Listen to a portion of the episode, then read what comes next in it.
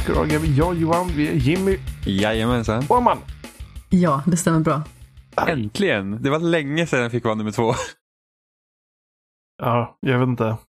Jag kände att Alltså det är inte så viktigt för mig att vara någon först. gång ibland. Det är alltid viktigt att vara först. Härmed från och med nu kommer du vara sist Jimmy.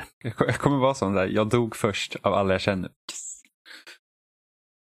Dålig stämning Alltså, nu känner Nu sa jag. nu sa du precis att du ville vara nummer två, men det kanske är för att Ja, men det blir jag blir om- automatiskt nummer två för att du av någon anledning ska säga ditt namn först, som om det vore viktigare. Fast jag har Men- ju vänt på det några gånger, har för mig. Eller kanske bara en gång. Ja, det roligaste, är, det roligaste är att du har ju sagt du har ju sagt våra namn först och sen har du sagt ditt eget namn och många gånger har du också glömt ditt eget namn. Så du sitter bara så här, ja så har vi den och den och den och sen är den här. Det var ganska länge Ja, sedan jag Den så här, hemlige och sen var det mannen. Johan. Punkt. Men jag har gjort det. Glömt mig själv. Ja, det är jätteroligt. Och du väntar också på att Så- någon ska så step mycket up their game och ta ditt namn.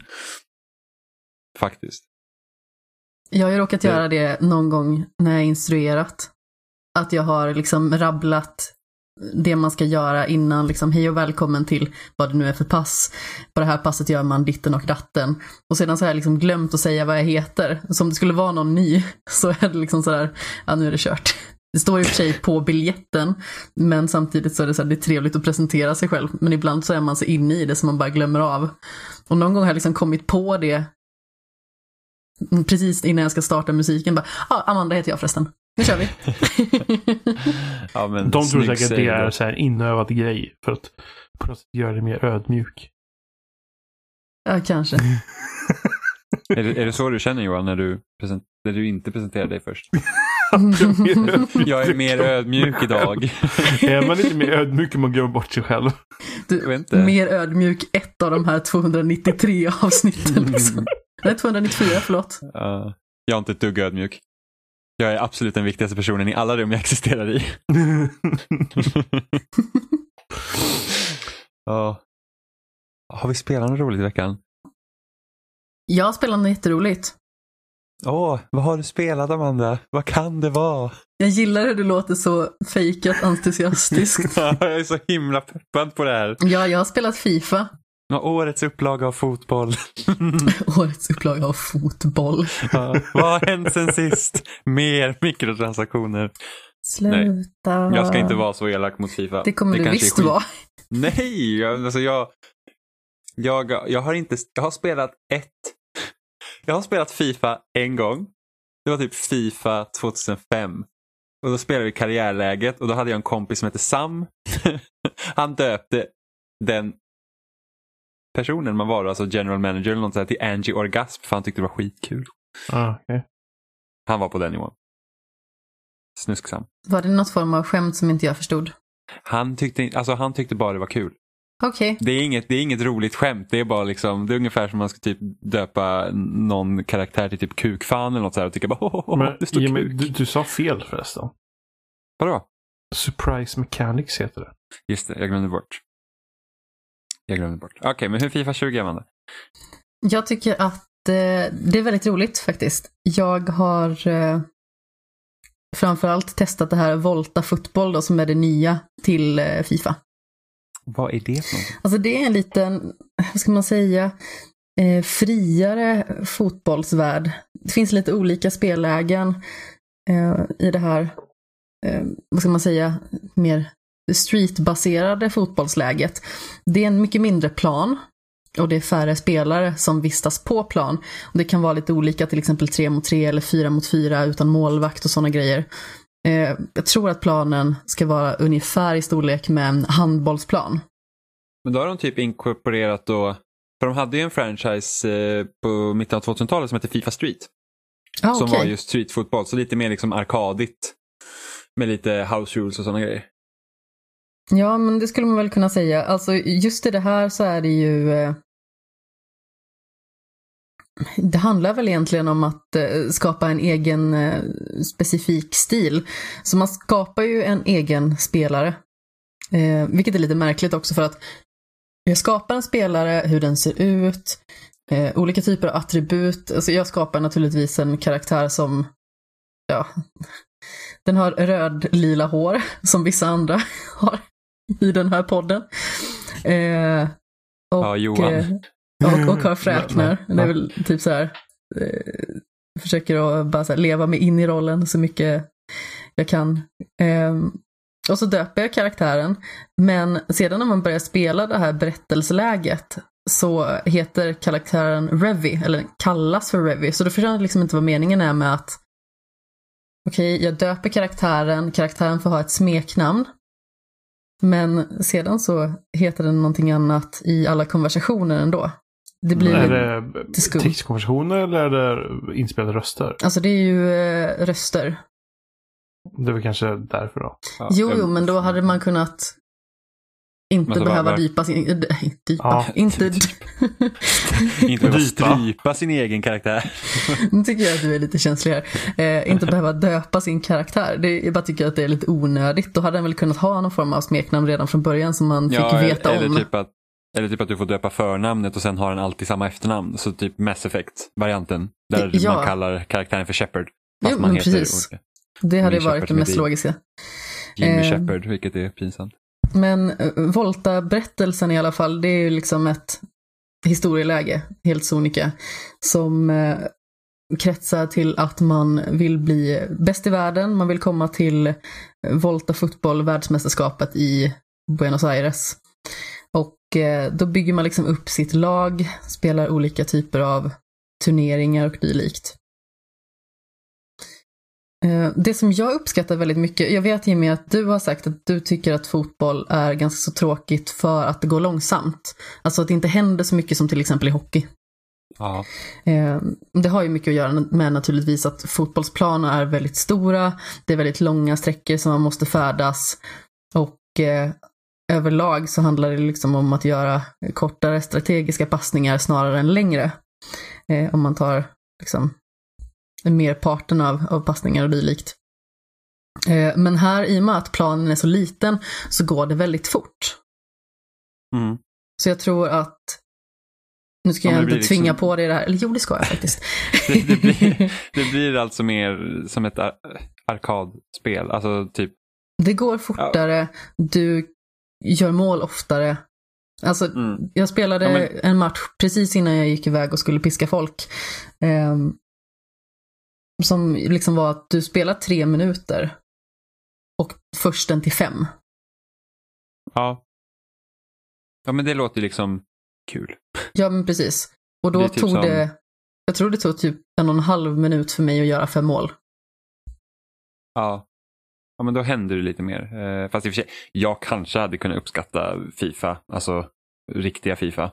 Jo, jo, Alltså- men har man liksom kanske inte riktigt grundintresset i fotboll så Mm. är ju det här kanske ett bättre alternativ då i och med att det händer mycket mer. Plus att det är lite mer showigt. Precis som jag sa tidigare så är det liksom streetfokus. Alla karaktärer har sin egen utstyrsel. Det kan bli lite problematiskt förvisso. För att jag är ju jättevan vid som sagt stor plan. Alla är liksom uniformt klädda. Mm. Så då utgår jag ifrån färg. Och här är liksom, jag måste följa de här vita små pilarna som är över mina spelare. Spelarna är förvisso färre. Men jag kan tycka att det är lite frustrerande ibland för att i och med att min hjärna är så invand vid det här visuella att jag kollar efter färgschemat när Mm. jag passar så kan det bli svårt att se vem det är jag ska passa till. Ah. Ja. ja, det är lite I tråkigt. synnerhet i och med att man kan skifta spelare såklart. Jag vet ju hela tiden vad min huvudkaraktär är för någonstans. För jag menar, man ser den här röd-lila bollen springa omkring. Ehm, Mm. Men som sagt, det kan jag tycka naturligtvis det intressant att de här spelarna alla ska få ha sin egen stil och de ska ha sitt egna personliga typ visuella uttryck med eh, ja, men, tatueringar, hårfärger, klädsel och så vidare. Ehm, Men samtidigt som sagt, det kan bli lite frustrerande. Och sen, Kunde ha kört sån här band som man hade på idrotten i skolan. Gult band runt bröstet eller något. ja, alltså de där banden. Ja, alla coola personer de virrar runt i handen liksom. Ja, det var, I min klass var det typ så här, de hade det runt pannan. Men gud, gick du i skolan på 80-talet? Ursäkta mig? Du är äldre än vad jag är Jimmy Seppele. Jag vet, ändå. Ändå. Eller ja, jag vet inte. Kanske 80-talet kom kanske sent till Alingsås. typ 20 år. Men hallå! Men eh, det, det, låter, det låter ju ganska kul ändå. Eh, Volta? Ja, Eller Alingsås? nej.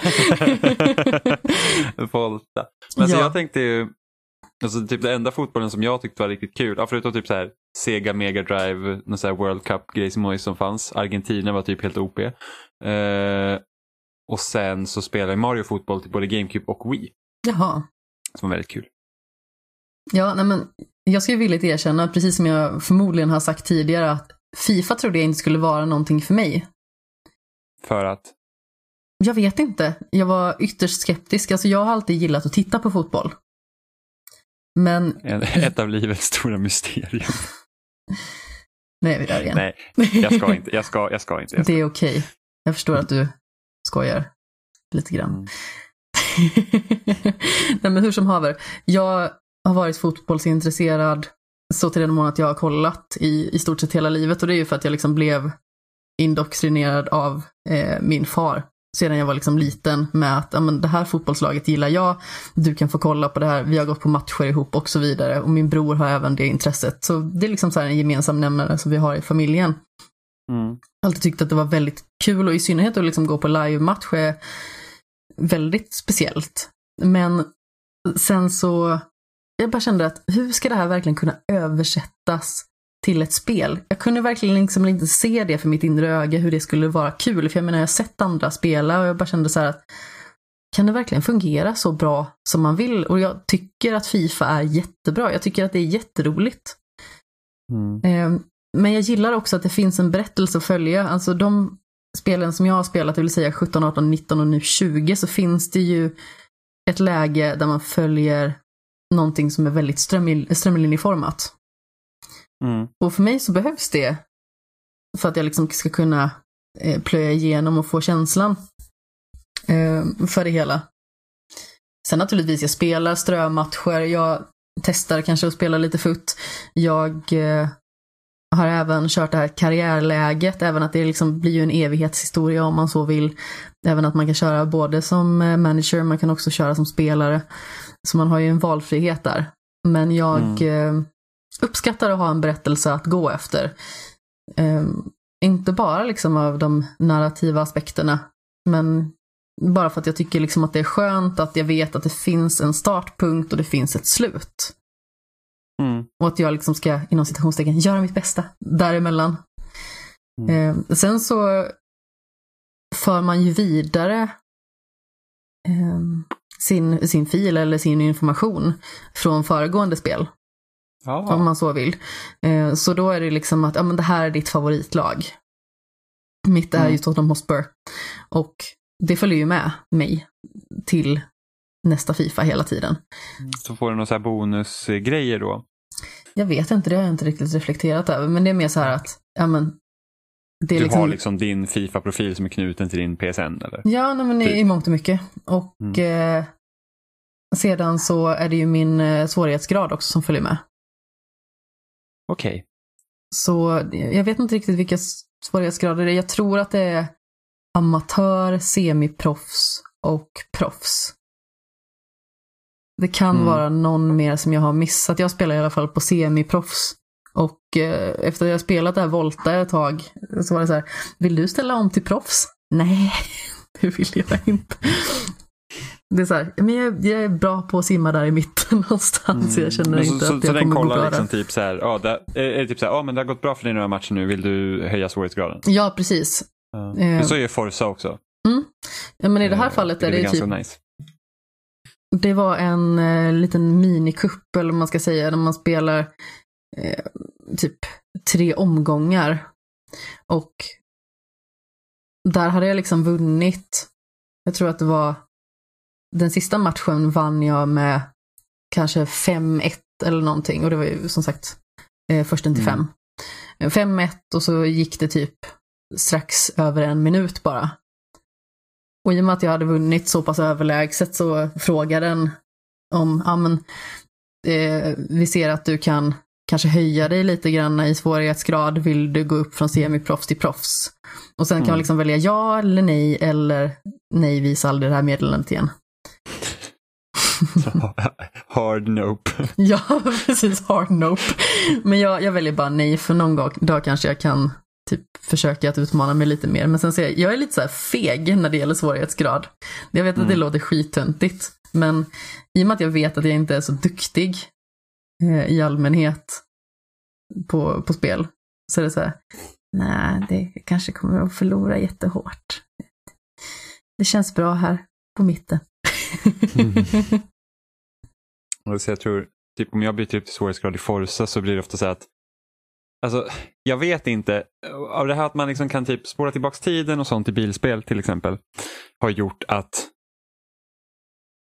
lite, lite charm har förlorats liksom när man spelar bilspel. Nu, nu är typ Forza Horizon-spelen de är så öppna så att det handlar så mycket mer bara om att köra bil än att faktiskt tävla. Eh, Men alltså så- spola så, tillbaka tiden, hur ofta kan man göra det? så mycket man vill. Men det är Men ju typ jag skittråkigt. Nej, Det är Äh, skitnice för att när man sitter i 10 minuters race så är det inte kul att köra Precis. om det om man råkar klocka in någonstans. Ja, men det är Eh, väl sant förvisso, men samtidigt känner jag sådär att då är det ju ändå det racet man har gjort. Jo, jag vet. Jag, alltså därför jag, säger, jag är lite kluven till det själv för att man behöver ju inte använda det om man inte vill, givetvis. Nej, men det är Eh, väl klart. fast jag, fast jag känner väl... Jag är en vek jag, människa. jag körde ju från Gran Turismo 5 var det väl, eh, Mm. på PS3. Och det blev jag så satans trött på. När jag köpte Xbox 360 och Forza Motorsport 4 måste det ha varit.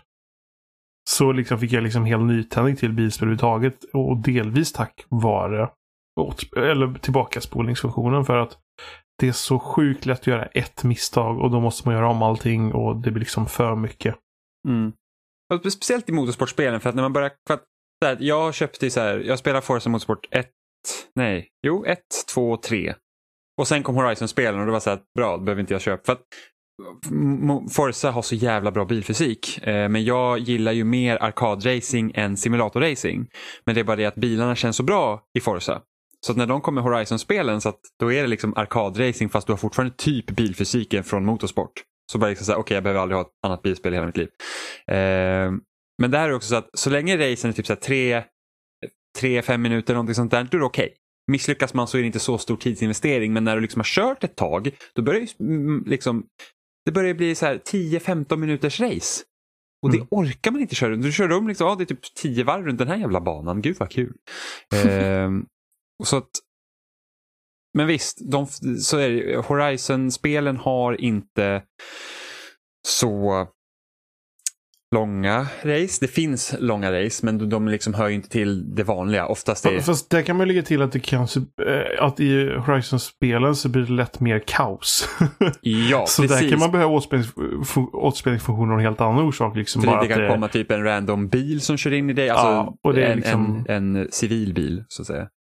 Eh, typ, ja, eller, inte, inte bara civila bilar, liksom även i race när det blir så här total jävla klusterfux av alla drivitar som inte egentligen kan köra bil. Ja, för att då, då, då, liksom, då händer så mycket, för att det är inga banor. Men sen typ tar man ett spel som, ett annat racingspel som jag tycker är skitbra, det är Need for Speed Hot Pursuit, det som kom ut 2012 eller 13? 12, 2012, nej 2010 till och med. Det är ett av de som gjordes av Burnout-folk. Ja, Criterion. Ja. Eh, och det spelet totalt älskar jag. Det hade ingen tillbakaspolningsfunktion, men det kunde man liksom köra. Då var det verkligen race, och ofta hårda race. Och då fick man liksom, men, men det var inte så långa, så att då var det så att okej, men det funkar så här. Då fick man ju lära sig och, och hantera bilen bara bättre. Eh, sen tror jag de la till tillbakaspolningsfunktion i Most Wanted som de gjorde sen 2000, det var 2012. Och det spelet var inte bra. Eh, och sen typ så här Need for Speed Underground och Need for Speed Underground 2 är ju också sådana spel då inte spelen hade tillbakaspolningsfunktion också Mm. så att man fick liksom kämpa på. Men som sagt, det var... Alltså ärligt talat, varför gör de inte en, en reboot på Need for Speed Underground? Det var ju så roligt. Nu ska det komma den här Need for Speed Heat som verkar liksom ta influenser Ja. av det. Men det är ju så här Ghost Games så jag vet inte riktigt om... Jag tror inte något av deras Need for Speed-spel har varit så här jättebra. Du recenserar väl, eller recenserar, du fick en kod till Need for Speed. Ja, var det, så, så, så jag recenserar väl i podden i någon Ja. form av Vad var det, Need for Speed? payback. Och det var jättedåligt. Ja, men det var ju på grund av lootboxes. Nej, Och- surprise mechanics. Ja, och en orsak till att jag inte ens... En orsak till att jag upptäckte liksom hur, att jag hade så jobbigt med spelet var att jag liksom efter liksom de här timmarna suttit och spelat spelet inför att kunna prata om det. Och att jag liksom ganska sent upptäckte de här lootboxarna. Så, Ah. så är liksom en, en del av spelet som hade gjort spelet lättare för, för mig hittade jag liksom mot slutet när jag inte liksom orkar spela mer. Men det var alltså så skumt så att du kunde inte uppgradera bilen utan du fick uppgraderingsdelar från Man lootboxes. Ja, och så var det väl att... Nej, men du fick väl pengar i spelet också. Och de ställena där du köpte delarna slumpade fram vilka delar de sålde? Var extra minut. Så, här, liksom. så det fanns liksom, de här delarna kan du köpa. Men om 20 minuter så, om det eller Ja. 15 tror jag, minuter tror jag det var, så, Så det- slumpas fram nya delar. Så kommer du till stället, du måste uppgradera bilen för annars klarar inte racet liksom så här. Så ska man åka och köpa. Så fanns det inte delar så var det liksom, ja, då får jag sitta och vänta. Men fan vad suspekt. Det låter ju skittråkigt. det, det, det är Men liksom hade hade du- men hade du i... du för lootboxen så kunde du få delarna där istället. Det här är ju spelet fick jättemycket kritik, kritik för det och jag vet att de, de, det sen, justerade tiderna och sånt där för hur ofta det refreshade och sånt där. Men, Men det är fortfarande helt sjukt att ha liksom så tid, in alltså riktig tid i ett spel. Så det är så här att, ja, men, varför kan jag inte få spela när jag vill spela? Det är Men inte som att du alltså- springer runt med din PS4 eller Xbox i fickan liksom och kan ta upp det efter 20 minuter och som en men typ jag gissar på att det måste vara jättetråkigt att vara Ghost Games för att mycket i spelet var, var förmodligen inte dåligt. eller var nog inte dåligt egentligen. För Vad jag kommer ihåg så var inte liksom spel eller bilfysik och sånt som jag irriterade mig på utan det var ju liksom Mm. bara de här grejerna. Och det var ju förmodligen inte de som hade sänt att de ville ha det. Nej. Sen är frågan, jag undrar hur det funkar de där mötena egentligen. Hur ska någonting implementeras och vem som bestämmer det? För jag kan ju tänka dig att om vi säger att EA säger så här att ni måste ha lootboxes i ert spel, bla bla bla. Och sen vad då pitchar de liksom hur det ska fungera då? För Ja, det- jag kan inte tänka mig att någon hade tänkt att den där tidsaspekten var en bra idé. Eller fanns det redan folk inom EA som bestämde att det skulle vara på det sättet? Och... Men det är det jag undrar, liksom. vem, vem bestämde att det skulle Ja. vara så? För det är väl typ det enda spelet de har haft så i också? Va? Som, Alltså, jag, ja, En jävla bautafluga håller på att attackera mig hela tiden. Det- mig. i mitt hår och det lät dunk. Men, men det är väl ganska, ganska genomgående att folk vill ha något mer i stil med Underground, liksom med Need for Speed. Eh, och, men på samma gång så är det att ja, Forza finns. Mm. Ja, men det har ju förstört. Alltså, jag kommer ihåg att det fanns hur mycket bilspel och sånt som helst eh, under typ så här PS2-eran och även en del under 360-eran som var liksom olika. Men alltså jag har inte varit intresserad av ett enda annat bilspel sedan Horizon kom. Det är liksom, det täcker allt. Okej, Mm. inte riktigt allt. Alltså, jag tycker att de har gått ifrån det här med att du ska kunna köra lite hur du vill, vad kul. Och det är liksom ingen utmaning i det längre. Alltså det finns liksom inte så här att okej, jag vill spela bara för att vinna till exempel. Det, det existerar inte sen, alltså det, det börjar de redan rucka på i Horizon 2. Därför tycker jag fortfarande att ettan är bäst. Eh, det här med att det här racet spela, du får använda vilken bil du vill så anpassar vi racen efter den bil du har så du slipper byta. Och det är så här att men tvinga mig att köra på olika sätt som inte jag liksom är bekväm med. Så att jag Mm. inte kör med min Subaru Impresa som jag köpte på en gång och sen bara fan vad kul att köra rally. så att jag spelar med den här hela tiden eh, och vinner jämt. Så det är väl typ det jag saknar. Jag vill bara säga att jag har haft träningspass på Ghost Games. Jaså? Ja. Det var eh, Amanda som pitchade. Ja. Loot. Hon bara, "Har- vet du det här mobilspelet jag har spelat med tids? Det är så pass jättebra. Du har ju berättat om, bara, be, du har berättat om förut när någon random Ghost-anställd dök upp i kommentarsfält på sidan Feber och typ försvarade spelet över hur bra det var. Va? ja, det var liksom så här, Ingen det var jäv där överhuvudtaget. Det var en artikel som handlar om att man justerade de här tiderna då. Mellan refreshade de här butikerna i spelet. Eh, Mm. och så dök någon person upp som skrev att den eh, var anställd som speltestare på Ghost Games. Och han hade aldrig märkt av på något sätt att detta skulle liksom hämna eh, pro, progressen i spelet eller någonting. Han tyckte Nej det men var vad jättebra. pinsamt. Ja. Ja. Men liksom, det blir lite lågstadienivå där nästan. Bara så här, Ja. Min teckning är faktiskt fin. Den är finare än Svens. Ja. never forget när Amanda Ottsjö i förskolan när hon hade ritat en anka som inte såg ut som en anka och lilla Jimmy sa att det ser banne mig inte ut som en anka och alla blev arga på mig. Gillar att du hänger ut den här personen helt och hållet också. Jajamän. Hon hade en eh, stora syster som hette Paulina också. De var alltid ihopgaddade mot alla. och kunde inte rita ankor. Nej, Vad jag, jag står fast Vad till denna dag. de ritat då? Ja, men du vet ju barn säger att de har ritat någonting och det här, då säger de det här är vad det är och man tittar på den och bara det där är tre streck. Men sure. Ja, men det är ju faktiskt precis så. Det, det är ju sött att du tror att det är en anka men eh, snälla, bitch please kom tillbaka om några år. ja, jag var lika gammal som den här Amanda också så det var inte som att jag typ så här var vuxen människa och bara så här, det där är ingen anka. Snorunge. Jag, jag ser dig typ så här, sittandes där med någon sorts kostym och fluga eller någonting Lillgammal.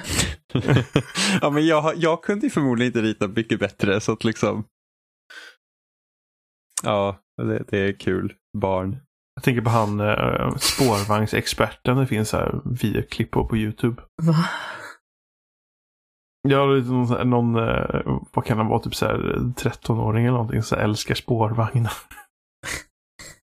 Och, ja, vi hade en i en klass jag gick i, jag tror det var 1 2 Han älskade Titanic. Han, hade, han, han lånade alltid böcker med Titanic från eh, biblioteket och eh, samlade på blyertsuddar. Okej, Ja, det var enklare vad tider. hemligt. Det var enklare tider då, ja precis. Sen, sen kom så sån satanistiska saker som Go-Go's och Pokémon-kort. Och Pogs. Alltså, Just det. satanistiska, satanistiska saker som Pokémon-kort. Ja, men jag gick i en kristen skola där var allt satanistiskt. Ja, Som okej. inte hörde till Bibeln typ. Ehm, så, men tänk den människan som kom på Pogs, alltså snacka om att den måste tjäna pengar. Bara, här har du liksom så här, kart- vilken Karton- skit ja. det var verkligen. kartongbitar som man ska samla. Så, så, va- varför ska, man- vad ska man ens göra med dem?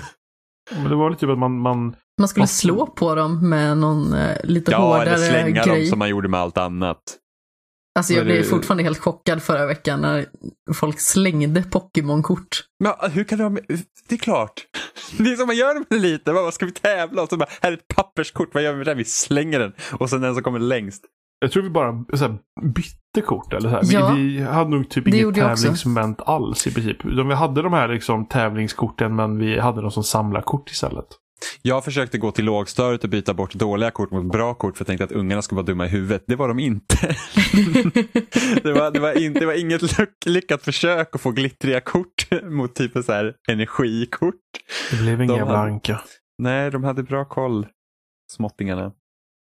Faktiskt. Vilken otur. Jag vet! Så himla, alltså ja, nej, mina så här, mina, mina bekantskaper med barn har inte varit något lyckat när jag var liten. Gud, det där lät så fel.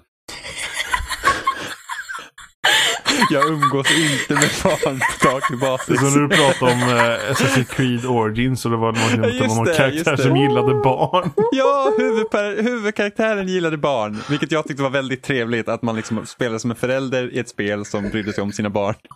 Och då tyckte Robin att det var väldigt kul när Det var inte det barn. du sa. Du sa liksom att det var en person som tycker om barn. Det var inte liksom att det var familjefar som tycker om sina barn. Jo, men, ja, men, ja, så kanske det gick till. Man kan ju säga att de värnar om familjen.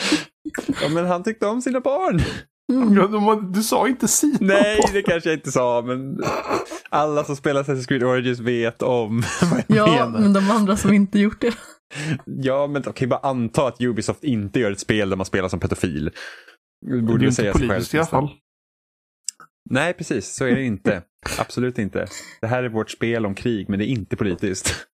Alltså det är så himla roligt för att Assassin's Creed är ju verkligen ett sånt här spel som eh, är eh, eh, pluppar liksom ehm, i, i spelform. Alltså de, de pluppar ju ur massa saker överallt. Och då skulle jag lägga till en kompis på min Xbox. Och, för vi spelade båda Origins, jag spelade inte så jättemycket. Men han satt och spelade det just då och trodde att han hade fått en achievement för att hoppa över en bäck. För att det kom ju så här plingande då, Ja. Mm. precis när jag gjorde det. Men det var ju bara en, vänförfrågan. Han bara, jag trodde jag hade fått en achievement. Ja, det, det, det är det mest störiga typ när man försöker på sin achievement. Så antingen om den har buggat sig så att den inte låses upp fast man klarar det. Eller att man liksom så här ska samla någonting, x antal saker och så tror man att man kommer och sen så plickar upp man bara yes nu fick jag den och så, bara, så loggar någon person in och man bara jag borde inte ha vänner. det här är straffet. um, Det är därför man har PS4 som primär konsol. ah, det där tog emot. Mm. Mitt hjärta är grönt. Då får väl borde Sony sig och göra konsoler som inte låter som hårblåsar. Ja, just det. Du, du, sitter, du sitter på original PS4 va? Ja. Johan? Jävla skitkonsol. Det gör jag. Och den håller än. Ja, det tycker jag definitivt. Mm, min, min PS4 lät ju också som fan innan jag bytte till en Pro. Men Pro låter också ganska duktigt. Xbox One X är knäpptyst. Det är Nästan som jämt. också. Den är faktiskt väldigt tyst. Jag har en Xbox One S. Mm. Den är också tyst, speciellt när den inte är på. Ja, speciellt när den liksom har varit i dvala i är ett år och åtta månader. Mm, skaffa Game Pass så har du alla spel. Jag menar det. Det finns hur mycket som helst. Det finns så mycket som man inte ens spelar någonting för det finns för mycket. Jag vet, det finns jättemycket jag vill spela på Game Pass men jag, inte, jag hinner inte. De la ju till Bloodstain på Game Pass och det, och det är så himla tur för jag har ju tänkt att köpa det jättelänge. Men nu ska jag ta tag i det någon gång när jag har tid. Var det Castlevania? Yes. Eller Igavania som man säger. Igarashi. Som är producent, skapare och etc.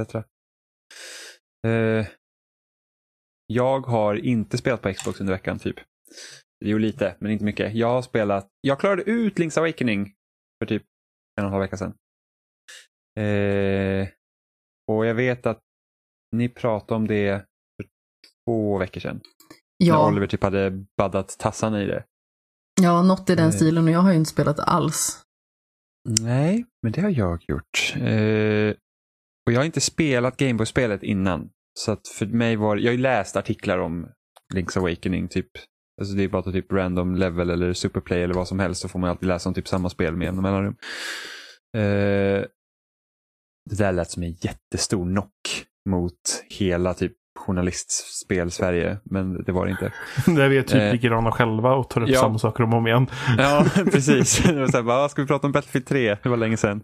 Eh, eller GTA 4. Eller eh, vad har vi mer för spel som vi brukar ta upp? Ja, vi har ju typ, vi har nu hållit på i typ halvår med Borderlands. Eller typ hata Nintendo. Ja, just det. Varför finns det inte GameCube-spel på Switch? Kan ni tänka er? Eh, Där kom men, det. ja, Precis. Eh, men Link's Awakening, så att jag... Eh, det jag tycker är mest intressant egentligen med Link's Awakening, det är hur eh, konstigt det är. Eh, och, och jag tänker att det är ganska vanligt att Nintendo gör uppföljare. För att det här är ju det första Zelda-spelet efter A Link to the Past. Eh, och det fungerar ju mångt och mycket som A Link to the Past nästan. Och sen så testar man att göra lite, jag tror till och med att det är samma Link som i A Link to the Past. Att det är liksom den typen av alltså, korrelation mellan de två. Och sen har vi Majora's Mask som var uppföljaren till Ocarina of Time som också är ett konstigt spel. Eh, så jag hoppas ju att när Breath of the Wild 2 kommer att de ska liksom våga ta ut svängarna lite. För att Link's Awakening har ju så massa så här skumma grejer. Det finns typ Mario-karaktärer med. Så här Goombas finns och sen så rätt som det är så kommer så här 2D-nivåer och det finns en massa så här konstiga saker. Change Chomp är med också i spelet. Så att det, är liksom, det håller hela tiden på tårna på det sättet. Man vet inte riktigt vad man ska förvänta sig. Eh, vilket jag tycker är väldigt kul. Eh, för att då, då blir det liksom så här att nu följer det ganska bra med spelets tema att, att världen är lite surrealistisk. Eh, eftersom, nej jag ska inte spoila det. Så att det finns säkert massa som inte har spelat och tycker att det är nytt. Men i alla fall, att spelet är lite surrealistiskt och lite, lite, lite allmänt konstigt finns det en ganska logisk förklaring i när man sp- spelar igenom spelet. Till skillnad från eh, Zelda i allmänhet som är hur logiskt och vanligt som helst. Ja, men det är väl jättevanligt att man hittar typ tre emeralder och kan låsa upp en gammal kyrka och grejer. Det händer ju jämt. Mm, det Men är liksom precis att- som i verkliga livet. Jo, men du har ju ändå, alltså man tänker, om man tänker ett vanligt Zelda-spel så är det ju så att det här är liksom eh, reglerna för den här världen och sen Jo, så har man absolut. en logik i det. Och sen så, och det här, jag tycker det här spelet bryter mot dem, alltså rent visuellt och, eh, och hur, eh, liksom med fiender och lite sådana här grejer, att det kommer liksom så konstiga grejer med. Att det, ibland känns det nästan som att det bryter lite fjärde väggen. Ja, Okej. Eh, ja, inte jättemycket, men liksom lite ish för att man vet att okej, okay, här är Mario-karaktär. Det är ju konstigt i mitt Zelda. Eh, sen så är det ju väldigt udda att spela ett spel som är så traditionellt Zelda som Link's Awakening är. Med liksom så här åtta tempel. Du får den här uppgraderingen i det här templet och så kommer du använda den här efter Breath of the Wild som är väldigt okonventionellt Zelda. Med det här att du har de här grejerna och det är det enda du kommer ha i hela spelet. Så att eh, enjoy. Och sen gör de massa olika liksom, små liksom, challenge rooms nästan med de här shrinesen i spelet. Så det, det, det, det kändes väldigt välbekant att gå tillbaka till det samtidigt som man säger ja ah, men alltså det här var vad Zelda var liksom. Men det är ändå inte lika hemligt som typ första spelet som i stort sett säger att men den här bossen gillar inte rök och ska man komma på vad det är som genererar rök för att mula bossen liksom. Ja, nej, precis. Uh... Utan det är mer rätt fram ändå. Ja, jo men precis. Och sen så är den här, den här ugglan eh, kommer ju mellan varven sen när man typ klarar tempel så säger han så här, ja nu ska du gå hit typ. Så att, så att man, man ledsagas ju hela tiden till nästa del. Det är några få gånger jag varit så okej okay, nu vet inte jag riktigt vad jag ska mm. göra. Men jag har för mig att eh, Oliver så... också sa att man kunde spara konversationer, eller att de sparades i alla fall. Så ja, att man inte ja. behövde gå tillbaka till nissen som sa det. Nej precis, man, man kan se dem. Eh, en funktion som jag inte hade någon aning om. Eh, förrän typ i slutet av spelet. Men jag har aldrig behov av det heller. Nej, men det är skönt i alla fall att det känns så. Eh, och sen så kan man, sen finns det ett telefonträd i, eh, i spelet. Eh, eller ja, det är ett träd man går in i så som telefon, alltså kiosk. Eh, och för våra yngre lyssnare som kanske inte vet vad telefonkiosk är så vi kan fråga mamma och pappa. så man får liksom tips. Du kanske tänker på att du kanske ska göra det här nu wink wink. Och sen ibland kan man få väldigt diffusa ledtrådar som man säger okej okay, det där betyder ingenting för mig. Uh, sen så är det ju, alltså det har varit väldigt mycket buggiga spel de senaste veckorna spelat. Alltså typ Control var ju liksom väldigt konstigt på den tekniska biten, så här, typ att ja, menyerna laggar och skit. Eh, Gears hade väldigt konstiga buggar vid olika så här, spelmekaniska grejer som jag känner att Gears aldrig tidigare haft. Liksom att Gears alltid känns väldigt polerat och sen så kom man till femman och var så här att okej, okay, jag fastnade i marken här av någon anledning. Oj, den här isfläcken var konstig och lite sådana saker. Eh, oj, nu försvann min waypoint. Det är bara Robin som kan se den som spelar min co-partner så han måste säga vart jag ska för annars har jag ingen aning. Och sen så Link's Awakening har otroligt problem med bilduppdateringen. Vilket känns jättekonstigt. För man tänker så här, hur avancerat är det här spelet så att inte switchen orkar dra det? Det är ju eh, inte mer sättet. avancerat än eh, Breath of the Wild till exempel om man säger så. Nej, men det, Nej, jag, jag, känner inte, jag känner inte heller det att det skulle vara lika mycket som måste laddas in. Så jag vet inte om det är några effekter eller någonting sånt. Som, för att de har den här typ tilt shift effekten. Så du, du har liksom blurrat längst upp och sen blurrat längst ner av någon jävla anledning. Det förstår inte jag. Då kunde du bara blurrat där uppe i så fall. Eh, vilket är lite störigt. Och så fort man måste ladda in nya assets, det är då spelet bara dör. Okej. Okay. Så det är typ så här. Vad går, går man ut ur ett hus, då typ är det nästan stillbilder ett tag och sen så blir det liksom mer smooth och sen kommer man in i ett nytt område så man vet att okej okay, här behöver vi ladda in nya assets då kommer det också liksom bli.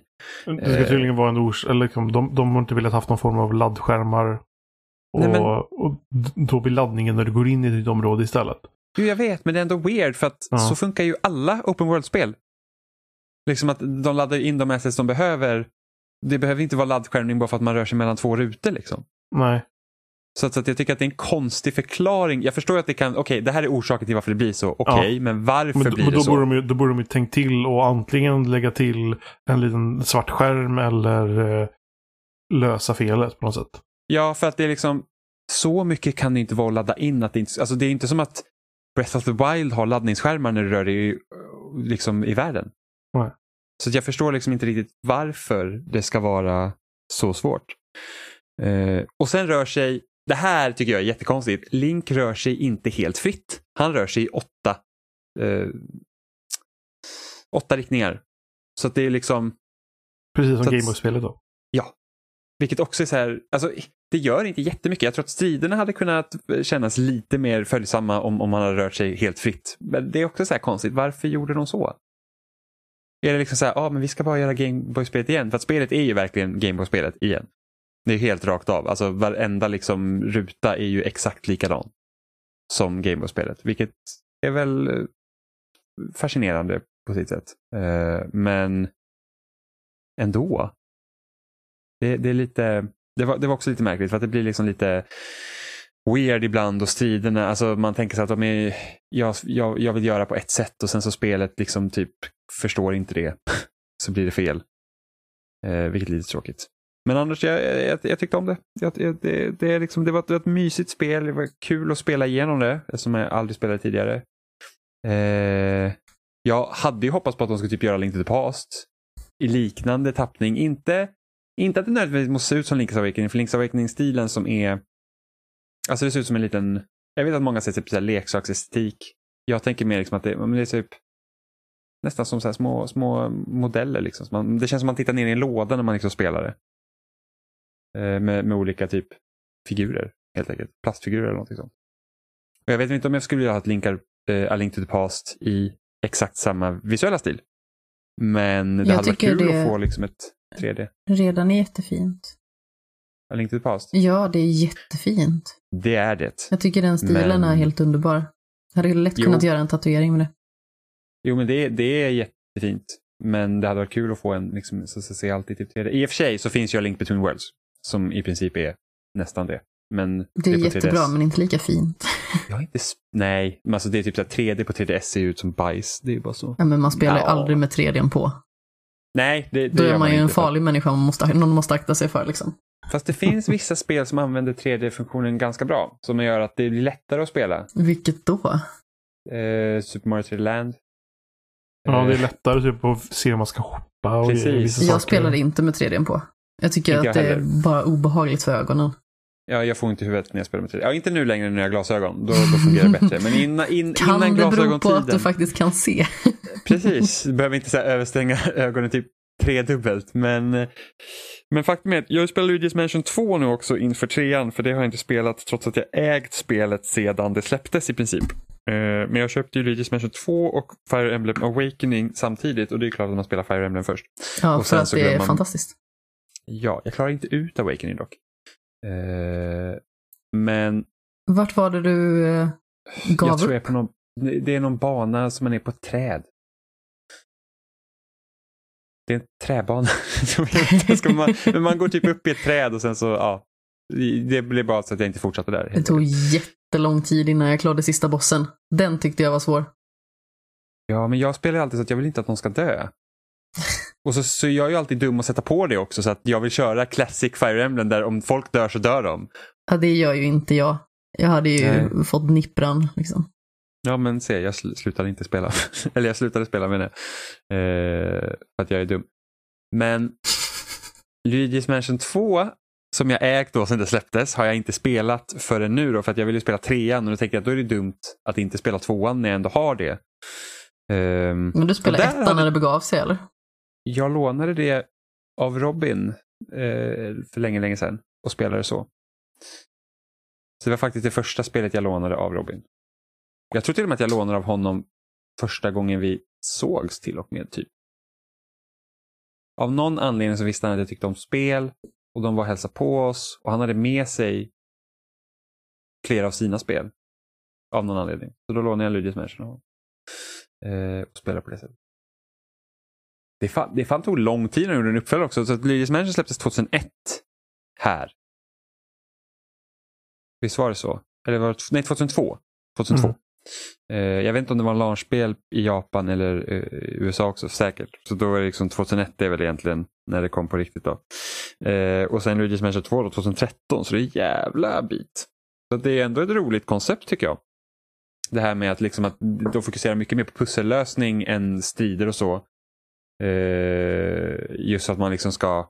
För att, alltså första Luigi's Mansion, om inte jag kommer ihåg det helt fel, det är ju ish Metroidvania-aktigt va? Man går ju runt i det här huset och typ får nya förmågor och så att man kan låsa upp nya Ja. vägar och Ja, sånt. precis. Jag spelade det för två år sedan med Tobbe Fix. Som Mm. någon form av så här upptaktsgrej inför eh, skräckafton. Mm. Det tog väl, vad var det, sex och en halv timme eller någonting i den stilen. Ja, det är, inte, alltså, det är inte jättelångt. Och vet man vart man ska så är det väl ännu Mm. Ja, det gjorde ju inte riktigt vi. Nej, och ändå var det så kort. Ja, Det tog mig säkert 14-15 timmar för mig att klara ut det första gången kanske. Ja, alltså, Nej, det var mest. Tobbe som fick spela det. För jag tyckte att det var vissa saker som var, jag vet inte, lite så tröstlösa på något vis. Mm. Ja, som det kan vara mycket i gamla också. spel. Eller Ja. äldre spel. Ja. Eh, och tvåan hade, slår man på träden där så hjälper det en del. Alltså om man vill. För På att vilket ibland vis? som är Ja, för att ibland, som- för att det är låsta kameravinklar och så, så man ser från, från olika perspektiv och ibland så här när man typ går på någon smal bro eller någonting sånt och så är det räcken. Det, ibland har det hänt att jag går rakt in i räcket för att jag trodde att jag var liksom precis inne på en ny väg men det är jag inte för att jag inte ser djupet. Liksom. Och sen så när man ska fånga de här spökena som går liksom djupare in i banan så ibland är det så svårt. För problemet, det största problemet jag har med Luigi's Mansion 2 är ju det att 3DSen är inte jättebra att spela med när du, du kör så tredje persons liksom mer vad ska man säga, actionbetonade spel där man liksom måste, där två stickor hade gjort susen. Eh, nu har ju jag en 3DS, en new 3DS som har den här lilla knoppen som ska fungera som en extra sticka som typ tre spel stödjer. Det gör inte Luigi's Mansion 2. Så det gör ju att du styr liksom Luigi och hur han siktar med den vänstra spaken. Vilket gör att det kan bli väldigt jobbigt emellanåt när man ska liksom försöka, för du måste ju, när det kommer här spöken kommer så måste man blända det med ficklampan och sen så kan man liksom suga upp dem. Och ibland så missar man ju för att det är bökigt att styra. Nu är inte det jättesvårt men under vissa bossar har det verkligen varit så här man bara öh, vad fan, typ. eh, så största skillnaden egentligen mellan Luigi's Mansion 2 och Luigi's Mansion 1 det är ju det att det, de har ju liksom anpassat det mer för det bärbara spelandet. Så att man istället för att man är i ett hus så finns det flera. Eh, och man liksom hoppar inte in i det här huset och så gör man klart huset utan det är liksom uppdragsbaserat. Så att det är liksom du säger, ja mission 1 nu ska du göra det här, mission 2 nu gör du det här. Eh, så att det är mycket mer så här, typ bite size grejer. Än, än, än, eh, än tidigare. Så att det liksom funkar så att ja, men jag kanske har en, en uh, halvtimme på bussen, då kan jag köra kanske ett uppdrag. För att alltså, vet man ungefär vad man ska göra så kan det ta allt mellan typ eh, uh, 10-20 minuter. Sen kan man kanske fastna som jag gör och inte veta riktigt vad man ska göra och då tar det 40 minuter. uh, men, men det är rätt så roligt faktiskt. Dock är jag förvånad över hur mycket story de har matat in i det här jävla spelet och jag är totalt ointresserad. Och sitta och veta varför den här typ månen är trasig eller varför liksom den här jävla knäppa professor Igard bara så här, nu jäklar ska vi eh, ta det här spöket på grund av det här och åh, jag är så himla sugen på att dricka te med de här spökdamerna. Och man säger okej, jag är, nej, nej och jättemycket cutscenes i början. Är det här föregångaren till Fire Emblem Three Houses? De dricker det- te. Ja, tea time med professor Egad. Eh, men alltså det är så här jättemärkligt så här hur mycket hur mycket story de hade krämat in i det. För jag kommer ihåg Luigi's Mansion 1, då var det så här, okej Mario är borta och du har fått det här huset. Ja, oh, fine. Det, det är bra, liksom. det, det, det räcker. Men här ska det, mellan varje uppdrag så är det massa text och dialoger. Och det ska vara cutscenes och, och man bara, åh, nej, jag, jag orkar liksom inte. Nu kan man ju typ skippa över det mesta, men det kan inte jag göra. Det, jag vill ju se ändå.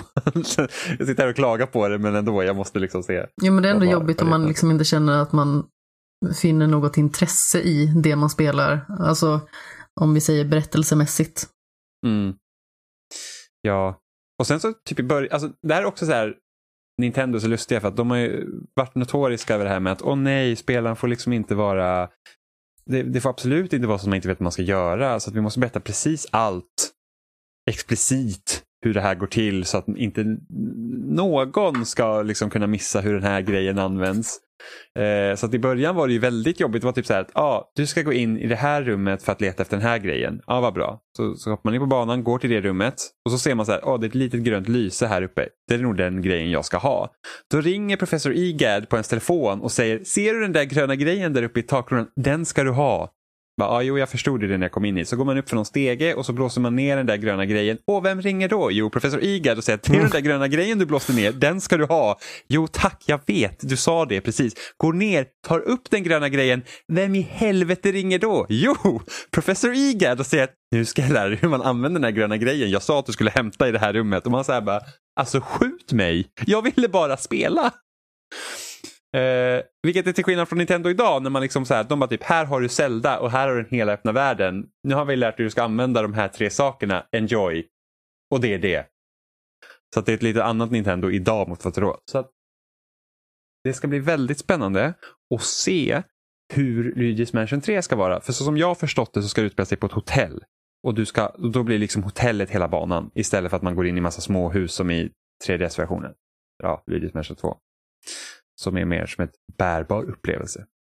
Är inte det så spännande egentligen med Nintendo har gjort en, en, en, en uh, hybridkonsol som är både bärbar och stationär och de har i princip helt och hållet övergivit bärbara spel. Alltså som koncept. För att om man jämför typ DS eller 3DS med, med Wii U, Wii, GameCube eller Game mm. Advance också för den delen. Så de spelen som är bärbara de är ju så tydligt gjorda för att du ska kunna ta upp dem och spela en liten stund och sen stänga Men, av och Jag vet inte om de tänker att det är så lätt att bara sätta, eller sätta switchen i sleep mode så att då kan du fortsätta sen igen ändå. Det är möjligt. Det är möjligt.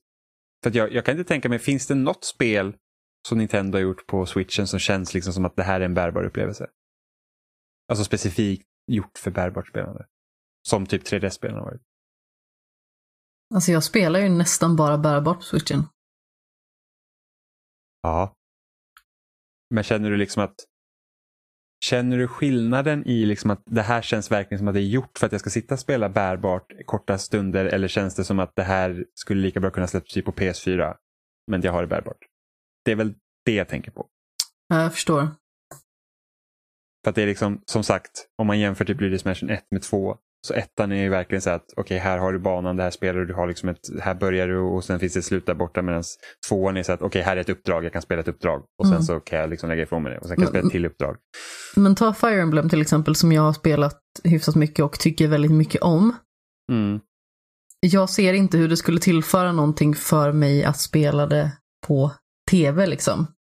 För mig är ju Fire Emblem väldigt mycket bärbart i och för sig. Så det kan väl vara det som liksom sitter i ryggmärgen på något vis i och med att jag bara har spelat det bärbart tidigare. Mm. Fire Emblem har ju den fördelen med att det är redan så baserat kring uppdrag. Mm. Eh, för jag tänker typ att de eh, konsolspelen som kom innan Three Houses, alltså tänker jag ja, stationär konsol då, eh, Path of Radiance och Radiant Dawn fungerar i princip likadant. Jag tror det som Three Houses har annorlunda, det är den här hela skolgrejen. Liksom. Ja, men precis, när man eh, lajar runt och gör lite uppdrag. Mm, och dricker te med folk. Dricker te, dem, ej att förglömmas. Den viktigaste och punkten. Dem, och gör dem väldigt obekväma när man pratar om saker de inte tycker om. Ja, men eh, det var kul ändå att spela Luigi's Mansion 2. Jag tror jag tror nog att jag kommer klara det. Men, det är klart att du kommer. Ja, det är så att jag tycker inte om att sitta och spela bärbart hemma. Liksom.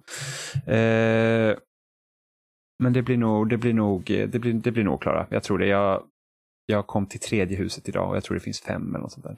Ja, men du är också mycket bättre än till exempel jag på att eh, när du väl har liksom börjat en grej så slutför du den istället för att göra som jag gör som påbörjar 71 saker och sedan så är jag jättedålig på att slutföra dem. Men jag tycker om att klara spel. Jag, jag älskar jag känner... också att klara spel. Jag tänkte liksom när det hade gått, hur många månader det var, alltså det här var nog i september kanske. Typ ja. så här, det känns som att jag inte har klarat några spel i år. Men jag har klarat typ, vad är det, 35-36 spel. Men jag har påbörjat så himla många fler spel ändå. Mm. Så det känns som att jag inte blir klar med någonting. Jag vill inte börja nya spel förrän jag är klar med något jag redan har börjat innan. Det är egentligen jag... den smarta äh, taktiken, men jag är tydligen inte så smart. Ja, jag vet ju att om jag lämnar ifrån mig ett spel så kommer inte jag att klara det. För att om jag börjar något nytt så har jag jättesvårt att gå tillbaka till något mm. annat. Jag brukar liksom ha ett singleplay-spel och ett multiplayer-spel igång var, hela tiden. Ja. Uh... Jag hade ju en följd av fyra spel i fjol som var sådär jättesvåra att bli klara med, för det var ju ändå stora spel. Du hade eh, Spiderman och sedan kom, eh, vad heter det, Fifa 19 och då det här berättelseläget, sluta fnissa. Och därefter kom Shadow of the Tomb Raider och efter det kom Red Dead Redemption 2. Mm. Och alla spelade jag eh, antingen liksom på eget bevåg eller i... Eh, jag kanske recenserar alla. Ja, hur som haver. Eh, Spiderman tror jag jag blir klar med i mellandagarna. Jag tror att eh, det berättardrivna spelläget i Fifa klarade jag precis innan jul. Shadow of the Tomb Raider klarade jag i våras. Red Dead, Red Dead Redemption 2 klarar jag inte alls. Äh, ja, det är fan, alltså Red Dead Redemption 2 är ju matigt. Ja, alltså det är inte en liten kamelfi som man säger så. Herregud. Det spelet kommer ta några år för mig att klara. Hur långt har du kommit på Red Dead Redemption 2 Johan? Jag vet inte. Det är jättejobbigt ord att säga, eller följd det är av ord. Eh, Det är ett gigantiskt spel och sen så kom det andra spel i vägen. Ja, jag spelade Assassin's Creed Odyssey och Red Dead Redemption 2 back to back. Det var jobbigt. Mm. Det Det, var så var, här, det tog mig 70 timmar att klara ut eh, Assassin's Creed Odyssey och sen så tog det Red Dead. Redemption 2 Spel. 80 timmar. Och man bara så här, ah. det tog några år för mig att bli klar med- Red Dead Redemption 1. Så. mm. Men du klarade det till slut. Ja, ja. Hade du blivit spoilad på slutet av det? Nej. Det, det är fan amazing ändå. Jag är inte spoilad på slutet i Mass Effect 3 heller. Va? Nej. Oh my god. Åh, det är slutet. Fuck me. Uh, Okej, har du spelat Red Dead Redemption 1, Amanda? Det har jag inte. Det borde... Vet du hur det slutar? Ja, jag har faktiskt lyssnat på spoilercasten. Grejen var ju att eh, jag köpte det till PS3 och eh, sedan så har jag en kollega på jobbet, eller ja, han har bytt jobb nu, men eh, för ett år sedan ungefär så var vi iväg på en kick-off och då pratade vi lite löst om spel sådär. Eh, det är ju väldigt sällan det är någon som har det intresset så man får ju liksom ta chansen när den väl finns. Fast inte det är ganska skönt att veta att, alltså okej, inte för att ta något från din historia nu, men jag känner så att när någon säger till mig att de är intresserade av spel, så här, bara rent allmänt när man träffar någon, då blir jag så här att, men är du verkligen, alltså det här kommer låta jätteduscht av mig, men jag är så här, är du lika intresserad av spel som jag är intresserad av spel? Alltså så att vi verkligen kan ha en diskussion som jag tycker känns givande. Det är kul att folk gillar spel, men så här, om inte vi är intresserade på samma nivå då har jag väldigt svårt, liksom, då, då pratar jag hellre om något annat så jag kan liksom ta nytta av om man säger så. Men det är en kollega på jobbet som spelar spel. Men det enda han spelar är typ CS eller eh, League of Legends eller spel som är någon form av e-sport för att han vill han har någon galen dröm att han ska bli bra på något spel någon gång. Liksom. Mm. Och det blir inte så jättegivande diskussioner då. Ja, men det är ungefär som jag skulle prata fotboll med någon som är skitfotbollsintresserad. Jag vet vem Zlatan är. Alltså förstår ni nivåskillnaden? Det är liksom, det, det finns ju, det är inte som att jag säger att du är ingen gamer va, för att du inte spelar det här och det här och det här. Utan det är så här att, men alltså kan vi prata om spel som jag är intresserad av att prata om spel om? Mm. Det, det är ju den liksom. Jag tycker ändå att det kan vara ganska så charmigt att eh, faktiskt kunna prata lite löst om det sådär. Eh, och i det här fallet så var det en kollega som ändå uppskattade Rockstar-spel Mm. och spelat eh, alla GTA och liksom fullt... Alltså jag kan ju inte prata idag, det är någonting som är helt löjligt. Eh, hade fullföljt de spelen eh, till 100% i stort sett. Mm. Och eh, bara en månad senare skulle han eh, bli inlagd på sjukhus och eh, steloperera sin rygg. Så då gav jag honom Red Dead Redemption. Så jag har inte det det kvar längre. Det blir svårt för dig att spela det. Fast Det vill, blir vill de spela det på ett bättre sätt än på PS3 som är typ den sämsta versionen så kan du spela det på Xbox One S. Så det är bakkompatibelt. Och den är till och med, de har till och med buffat upp den versionen. Ja, Så den, att den har grafiska fördelar. Det ser faktiskt, det, alltså det spelet ser faktiskt väldigt bra ut eh, på Xbox One. Ja, nej, vi får ju se om jag någonsin spelar det. Jag har lite svårt att tro att jag faktiskt ska göra det. Det finns så himla mycket annat som jag hellre spelar. Tycker du om GTA?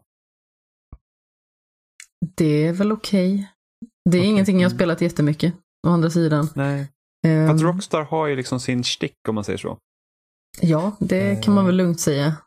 Och vilket, och det, det roligaste var att många kritiserade eh, Rockstar förra året när Red Redemption 2 kom- 2 kom ut var så här typ att ah, det känns så himla mycket som ett äldre open world-spel för de har inte lärt sig någonting av typ Ubisoft och de här, så här hur open world-spel ser ut idag. Och, och, och då blir jag så här att, vet du vad? Fan vad skönt att Rockstar inte gör sina open world-spel precis som alla andra gör sina open world-spel. För det hade fan sugit pung. Oj då. Det hade varit så jäkla tråkigt om de bara, ja ah, men här checklist the game och sen så ska vi ha så här och så här och så här och sen har vi massa onödiga grejer här. Utan det jag gillar med Rockstars open world-spel är att de är väldigt storytunga. Mm. Och Det det, de är ju inte kan- pluppandet på samma sätt. Nej, absolut inte, vilket är så jävla skönt. Men det de kan kritiseras för är att viker du av från liksom eh, när du spelar ett storyuppdrag och du viker lite av från liksom vägen du kan gå, då är det game over. Och jag är ganska bra på att följa eh, directions. Eller an, ja, det här, missionet säger så här, gå hit och går jag dit. Jag försöker inte testa massa konstiga, jag försöker inte vara något så här spelwizard liksom, av något slag och tänka att kan man göra så här? Utan jag är så här, okej jag går dit och så går jag dit på den absolut mest effektiva vägen och så är det bra. Men det fanns några gånger där det var så att okej, jag försöker undvika fienden så går jag bara runt dit så här och det var så här, game over.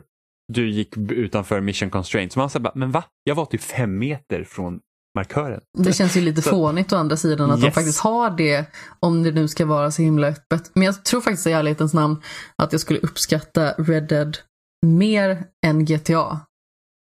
Alltså Mm. det lilla jag spelade av tvåan, alltså det är jättetrevligt. Det kändes bara som att det kom vid absolut fel tillfälle för det var det sista i raden av fyra stycken stora spel för mig förra Mm. året. Och jag kände mig jättemätt och det var liksom så här, ge mig ett mobilspel som är 30 minuter och så klarar jag av det istället. Ja men ungefär så, för jag bara känner, jag är så mätt på allting som kom i ett sånt jättestråk. Jag är inte klar med Nino Kuni 2 heller och jag är typ så här 60 timmar in eller någonting. Vad har jag jag gjort? är inte- Samlat glitter eller något? jag är inte heller klar med Nino Kuni 2 och det kommer jag aldrig bli klar med för att jag tyckte inte det spelet var bra. Jag kanske borde ha det som någon form av utmaning. Ja, mycket möjligt.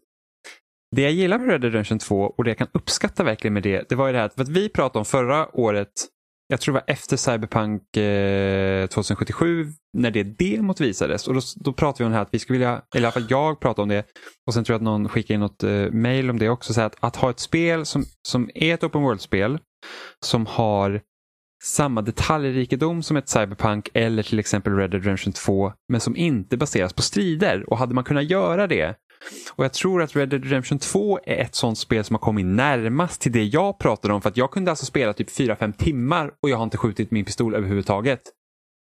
Eh, och då Vad är det liksom skönt. inte så att Ja, jätteskönt. Och då är det inte så att jag liksom har verkligen ansträngt mig för att jag ska inte skjuta någonting nu. Utan det är verkligen så att jag är i det här liksom gänget av eh, ehm, vad ska man säga, rövarband, eller vad vad heter det?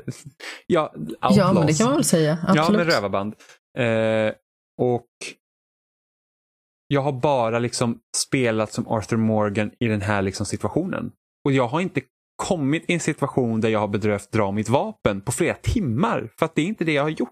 Eller ens liksom blivit puttade till att göra. Och det var bara så himla häftig känsla. Och just för att Red Dead Redemption 2 är ett väldigt långsamt spel som går ut på att man spelar efter de här begränsningarna Rockstar sätter upp. Liksom det är långsamt. Du, du går in i en affär och du liksom kollar på hyllorna efter vad du vill köpa. Du, du rider dit du ska. Eh, du, du går liksom genom lägret. Du hjälper till med vardagssysslor om du vill. Det är inte någonting som spelet ens tvingar dig att göra men jag gjorde det för att jag ville göra det. Man går och fiskar. Man går och liksom och, och ja, man, man lever helt enkelt som en cowboy i den här världen. Och du blir inte tvingad till liksom att uh, massa shootouts om du inte vill. Vilket jag tyckte var väldigt befriande. Eh, och väldigt häftigt. Sen är det ju, tror jag att Red Dead Redemption 2 är ett sånt spel som kommer vara väldigt svårt att spela om för mig. För att det är, tar för lång tid. Men just där och då och den upplevelsen så var det helt fantastiskt. Och jag tycker att det är ett väldigt, väldigt bra spel fortfarande. Uh, och speciellt sista delen i det spelet. Ja, okay, inte, inte, inte epilogen, men, men innan det är så himla tung. Den är, det, det, alltså det är typ, det är typ hjärtekrossande hur tung den är. Uh, utan att spoila för er som inte har spelat den. Men det var verkligen så att man bara, ja. Det, det, det var liksom så här. Det som händer i... Jag måste säga det här. Det som händer i... om man, man tänker typ... Tänker typ, alltså sista episoden i, i första säsongen av Walking Dead. Ja. Då har du, liksom, du har liksom två timmar av så här, fy fan, misär på grund av vad som har hänt. Det är djup ångest. Precis. Red Dead Redemption 2 hade det typ i 15 timmar. Så Nej men oj. det var på den nivån. Det var, det var så tungt att spela den delen i spelet. Alltså det var verkligen så här, man bara så fy fan. Och det drar verkligen ut på det också. Och inte dra ut på det som att jag känner så här, bara fy fan, nu borde jag vara klar med det. Utan det dras ut på bara för att du måste, ah, gud vad jobbigt det är. Ehm, så att ja, det, det var amazing. Amazing. Jättebra. Verkligen. Jag gillar Red Dead.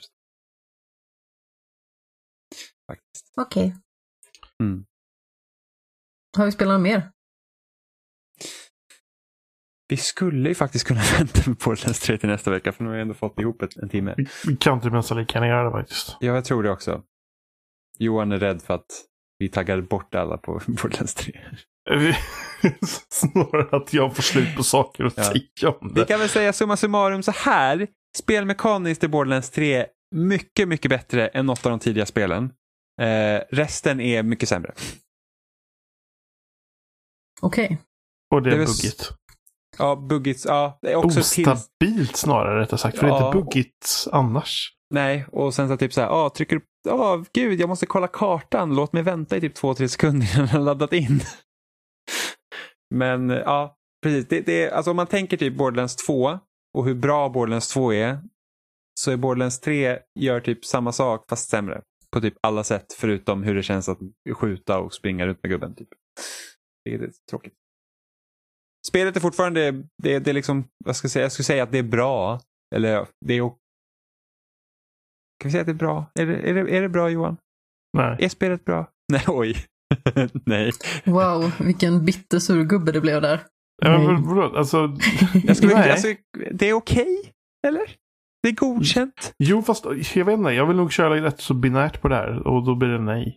Mm. Ja, vi har inte klarat det än. Men det är liksom så här att man, alltså, okej, det är tidsfördriv kanske. Vi Ja, men- umgås i Borderlands 3. Jo, jo. Så, så, så, det är bättre på grund av sällskapet. Men Ja. rakt eh, liksom... Alltså om man ska sätta så här 10-gradig betygsskala så kanske det blir annorlunda. Men ska jag säga ja eller nej så blir det nej. Mm. Det är hårt.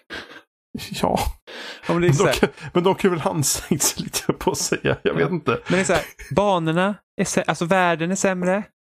Eh, humorn klickar inte. Alltså, för det här pratade vi om innan. Jag vet inte om jag nämnt det i podden, men jag sa så att det var så himla kul med Borderlands 2 för det tar ju väldigt mycket så här populärkulturella referenser och väldigt samtida eh, referenser också i Borderlands 2. Så man liksom att ah, men typ Breaking Bad var stort under tvåan kom, så att haha, vi har lite Breaking Bad-referenser, gud vad kul. Och så tänker man, vad ska de göra i Borderlands 3 som man känner så här, åh gud, jag har sett det där, du vet. Eh, och de lever fortfarande kvar som om det vore typ 2010. Det är typ så här, åh, vet du vad som är kul? Nine gag. Man bara nej. Men det, Nej, det, gag det är du inte sa kul. liksom stämmer. Liksom. Det enda som är bättre med det här spelet är spelmekaniken. Liksom, så här, hur du flyttar din karaktär och hur du vapen Mm. fungerar. Och så där. Men sen allting är verkligen sämre. Och om du gillar bajshumor.